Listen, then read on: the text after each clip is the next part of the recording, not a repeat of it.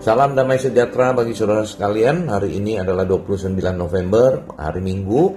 Kita sama-sama kembali akan merenungkan firman Tuhan dari kitab Yesaya pasal 31 sesuai dengan renungan seorang murid yang terambil dari Gemah Sinode di KY.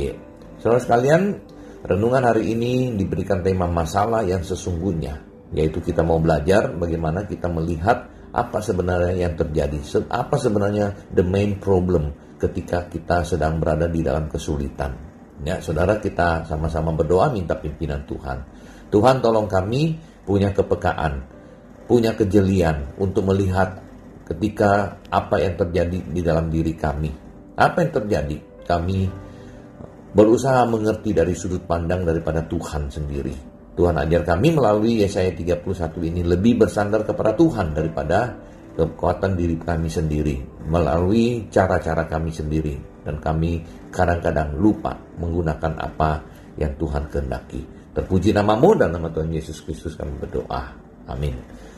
Saudara, Yesaya 31 ini adalah teguran daripada Tuhan untuk bangsa Israel ketika mereka akan diserang oleh Asyur yang dipakai oleh Tuhan untuk menghukum bangsa Israel. Namun di dalam kondisi seperti ini kita melihat bahwa bangsa Israel pergi mencari pertolongan dari Mesir.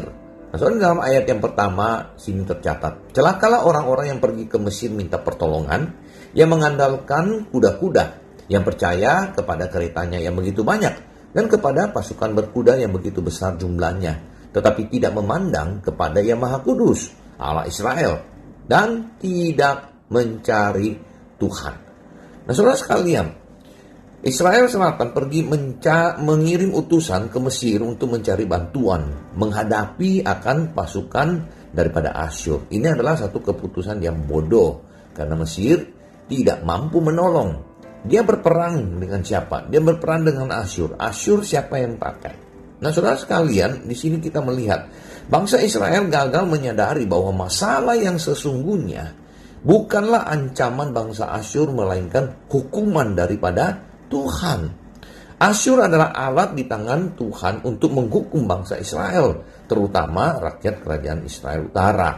Masalah yang sesungguhnya bukanlah ancaman bangsa Asyur yang pasukannya sangat kuat, melainkan masalah dosa kepada Tuhan yang membuat mereka harus menghadapi hukuman itu.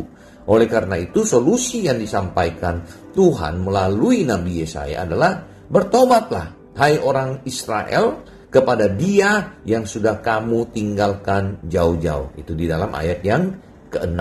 Nah, saudara, Tuhan memperingatkan, engkau sudah meninggalkan Tuhan begitu jauh. Sekarang engkau sedang dihukum melalui bangsa lain. Tetapi bangsa Israel tidak menyadari, bahkan kemudian tetap mau melawan. Bahkan dia mau berperang melawan Asyur, mencari bantuan daripada Mesir. Tetapi tidak berbalik, tidak mencari wajah Tuhan. Kerajaan Israel Selatan seharusnya tidak mencari bantuan bangsa Mesir, melainkan bertobat dan merendahkan diri di hadapan Tuhan. Masalah Asyur adalah masalah kecil dalam sudut pandang Tuhan. Mencari pertolongan kepada bangsa Mesir bukan hanya merupakan perbuatan bodoh, melainkan juga perbuatan yang memandang rendah Tuhan. Allah Israel, Yahweh, Yehova ini adalah pelindung bangsa Israel. Mereka harus menyadari ini, mereka sebenarnya menyadari tentang hal ini dan mereka harus berbalik karena hanya Tuhan saja yang sedang biasa menyertai mereka. Oleh karena itu, Saudara kita lihat di dalam hidup kita ini. Ya, bagaimana kita menjalani hidup ini. Ketika ada masalah yang kita hadapi. Ketika ada persoalan yang kita alami. Baik di dalam rumah tangga kita, di dalam pekerjaan kita, di dalam usaha kita. Dan di dalam hidup kita sehari-hari. Saudara, apakah saudara percaya hari ini Tuhan masih menegur dosa? Tuhan masih menghukum dan memberikan kesempatan akan anaknya yang dikasihi untuk berbalik. Oleh sebab itu saudara setiap kali ketika kita menghadapi masalah, jangan cepat-cepat kita berpikir bagaimana kita mengatasi masalah ini. Bagaimana kita dengan pikiran sendiri kita mencari jalan keluar. Tapi yang pertama-tama marilah kita berdoa. Carilah akan pimpinan Tuhan. Selidikilah hatimu. Adakah engkau saat ini sedang hidup di dalam dosa? Adakah hal-hal yang hari ini sedang engkau lakukan yang tidak berkenan kepada Tuhan? Kalau ada, saudara, kita bertobat, kita berbalik, bukan mencari bantuan bagaimana berusaha melakukan hal yang lain dengan cara dan pikiran kita sendiri. Saya percaya saudara jika kita bertobat dan berbalik dan memang jika apa yang menimpa kita itu adalah hukuman daripada Tuhan, maka Tuhan yang penuh kasih itu akan mengampuni kita. Dia memberikan kita kesempatan kedua, kesempatan ketiga untuk bertobat, untuk bertobat kembali ke jalan Tuhan. Oleh sebab itu saudara, mari saya mengajak kita hari ini renungkan, selidiki. Jika ada sakit, kenapa saya sakit? Apakah sakit biasa? Jika ada masalah yang kita hadapi, apakah karena kita melakukan hal-hal yang tidak berkenan kepada Tuhan? Apakah cara kita bekerja tidak berkenan kepada Tuhan? Nah, saudara, sering kali di dalam hidup kita, kita ada masalah, kita solusinya bukan datang kepada Tuhan. Kita bahkan mencari bantuan dari orang lain, bantuan dari teman untuk berusaha mengatasi akan masalah yang kita hadapi. Mari, saudara kita sebagai anak-anak Tuhan, saya mengajak kita, kita andalkan Tuhan, jangan andalkan manusia. Amin, saudara. Kita berdoa.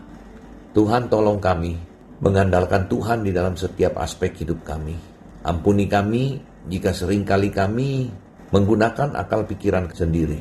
Kami menggunakan rekan, kami menggunakan teman untuk membela kami, untuk berdiri di sisi kami, untuk melawan orang-orang yang berusaha menentang. Tuhan, tolong kami agar kami hanya mengandalkan Tuhan. Jika kami berdosa, kami berbalik. Kami merendahkan hati, merendahkan diri untuk mengakuinya dan menerima anugerah pengampunan daripada Tuhan.